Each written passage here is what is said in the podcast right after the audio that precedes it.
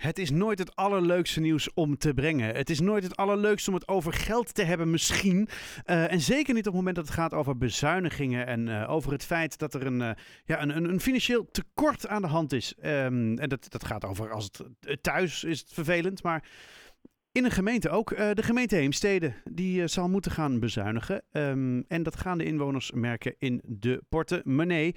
Aan de telefoon heb ik uh, de wethouder van Financiën, Annie, Ariane de Wit. Um, ja, Ariane, dit is nooit het leukste nieuws om te brengen, toch? Nee, dat is altijd een hele lastige. Maar ik denk dat het voor heel veel mensen niet echt als een grote verrassing komt. Nee. Als je ziet dat natuurlijk alles op dit moment duurder en duurder wordt. Ja, daar heeft natuurlijk de gemeente ook last van. En we hebben het natuurlijk ook al eerder gehad over uh, bijvoorbeeld uh, de schoolgebouwen, waar natuurlijk een hele bak geld naartoe zal moeten. Um, wat, zijn, wat zijn de redenen nou uh, dat, ja, dat die bezuinigingen moeten gebeuren? Je zegt het zelf al een beetje, hè? alles wordt duurder, maar ja, dat zal niet het enige zijn. Nou ja, dat is natuurlijk een hele grote brok. Als je natuurlijk kijkt in de begroting van de gemeente, is een groot gedeelte ligt eigenlijk al vast. Dat zijn besluiten die we in het verleden hebben genomen. En als je dan inderdaad kijkt naar investeringen die klaarstaan om uh, de komende jaren gedaan te worden, die moet je natuurlijk wel uh, op een goede manier in je begroting hebben staan. Mm -hmm. Dat betekent dat je ook moet meegaan met de prijsstijgingen als die er zijn. Ja. En dat is waar we mee te maken hebben. Dus we zien dat onze investeringen fors duurder worden. En daarmee dus ook onze afschrijvingslasten duurder worden. En de, nou ja, die zie je terug. Uh, we zien dat uh, geld lenen meer geld gaat kosten, de rente stijgt. Dus daar zit een extra uh, probleem. En in de toekomst, vanaf 2026, zien we ook dat we veel minder geld van de Rijksoverheid gaan krijgen. Hmm. En waar komt dat door dan? Dat heeft te maken met het feit dat de Rijksoverheid bedacht heeft dat ze een andere manier gaan, uh, op een andere manier de gemeentes uh, hun geld gaan geven. Dus de algemene uitkering wordt aangepast. Mm -hmm. Hij komt net terug vanuit het, uh, het VNG-congres van de Vereniging Nederlandse Gemeenten. Mm -hmm. Waar we ook uitgebreid met elkaar gesproken hebben. Hoe kunnen wij nou als Nederlandse gemeente uitleggen aan het Rijk dat zomaar 3 miljard bezuinigen op de gemeentes echt niet kan. Ja. Dat wij dat geld heel hard nodig hebben om alle taken uit te voeren die wij op ons bordje hebben liggen. Want dat is wat er nu gebeurt feitelijk, dat er dus 3 miljard bezuinigd wordt op de gemeentes. Uh, jullie hebben al een tekort, dus het, het, het, het wordt gewoon één groot tranendal uh, hierdoor. Nou ja, vanaf 2026 zal ja. het tekort dus ook veel groter worden, want dan ja. komt die nieuwe uh, begrotingssystematiek, financieringssystematiek. En vanaf dat moment uh, zullen we echt met elkaar moeten gaan kijken van nou, hoe gaan we dit oplossen. Um, op de kadernota zoals die nu voor ligt, die gaat over 24. Dus daar hebben we alleen maar gekeken hoe kunnen we zorgen dat we in 2024 boven de nul uitkomen. Mm -hmm. Maar we zullen wel met elkaar het gesprek moeten gaan voeren. Zowel in de gemeente als tussen de gemeentes en het Rijk.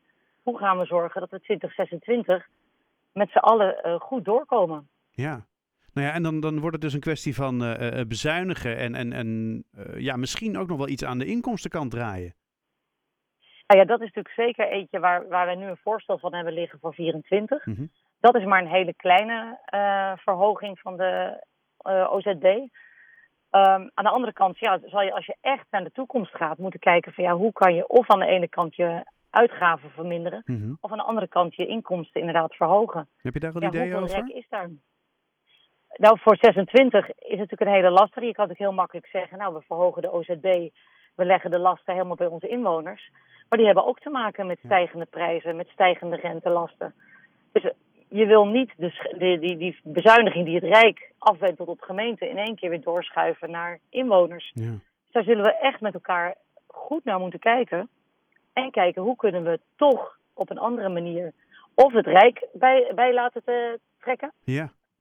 Of een andere manier bedenken. Maar dat zal pijn doen. En dat, ja, Dat wil je natuurlijk liever niet. Het is een hele lastige situatie. Ja, nou ja, dat is ook waar ik mee begon. Hè. In principe is natuurlijk een financieel tekort altijd uh, ellende. Het is vervelend nieuws. Ja, Ja, want, helemaal er, eens. want er zal dus of iets aan de uitgaven of iets aan de inkomstenkant moeten worden getrokken. En op het moment dat je gaat, uh, als gemeente de inkomstenkant gaat opdrijven, ja, dan betekent het waarschijnlijk dat je met je burgers iets wil. Of tenminste dat er daar geld vandaan moet komen op de een of andere manier. En de uitgavenkant, ja. ja, als je dat minder doet, betekent ook dat uiteindelijk de burger overal last van krijgt. De inwoner heeft hier altijd Dat last bedoel ik, van. ja. Ja. Dus je gaat altijd op zoek naar, uh, naar de bezuinigingen zoals we ze nu voorstellen voor 24. Dat zijn bezuinigingen waarvan wij denken die zijn weinig impactvol. Oké. Dus we gaan niet sleutelen aan bestaand beleid.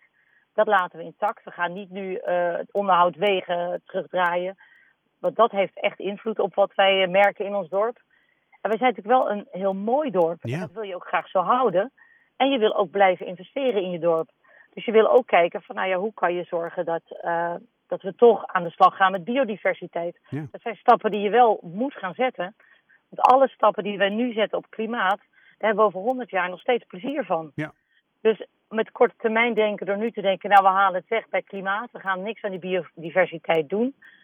Ja, daar heb je toekomstige generaties hebben daar nog steeds last van. Ja, dat wil je ook niet. Nee, want het klinkt natuurlijk uh, hè, makkelijk, hè? Want dan zeggen we, nou weet je, dan noemen die uh, toch een aantal van die, van die, van die, van die hoe heet dat? een aantal van die plannen doen we gewoon niet. Dat kan natuurlijk ook.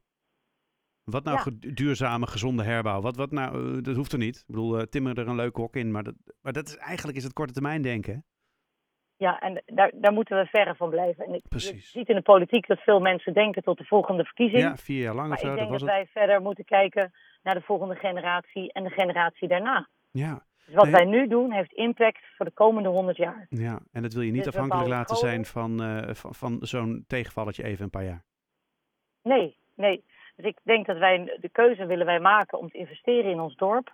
Te investeren in goede scholen, in ehm, eh, biodiversiteit, Mhm. in een jeugdakkoord. Laten we de jeugd goed betrekken bij alles wat we doen. Eh, inzetten op zorg.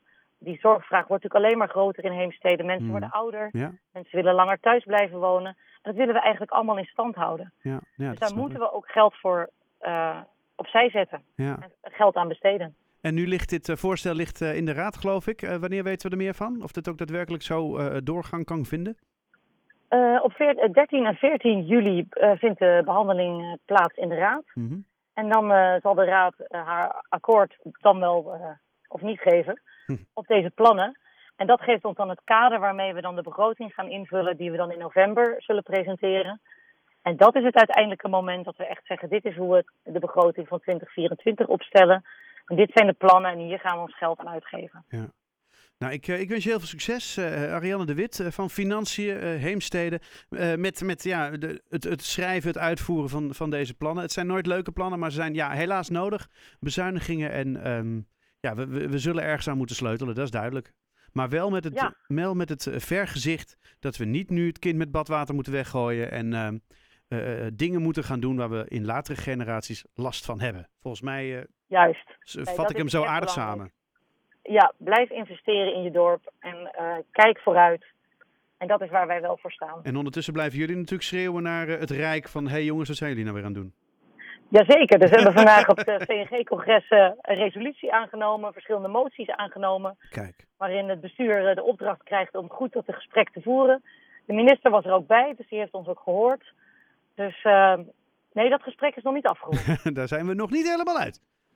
Nee, Er is de laatste woord nog niet over geschreven. All right. zeker niet. Ik wens je een hele fijne avond. Dankjewel voor je reactie. Ja, dankjewel.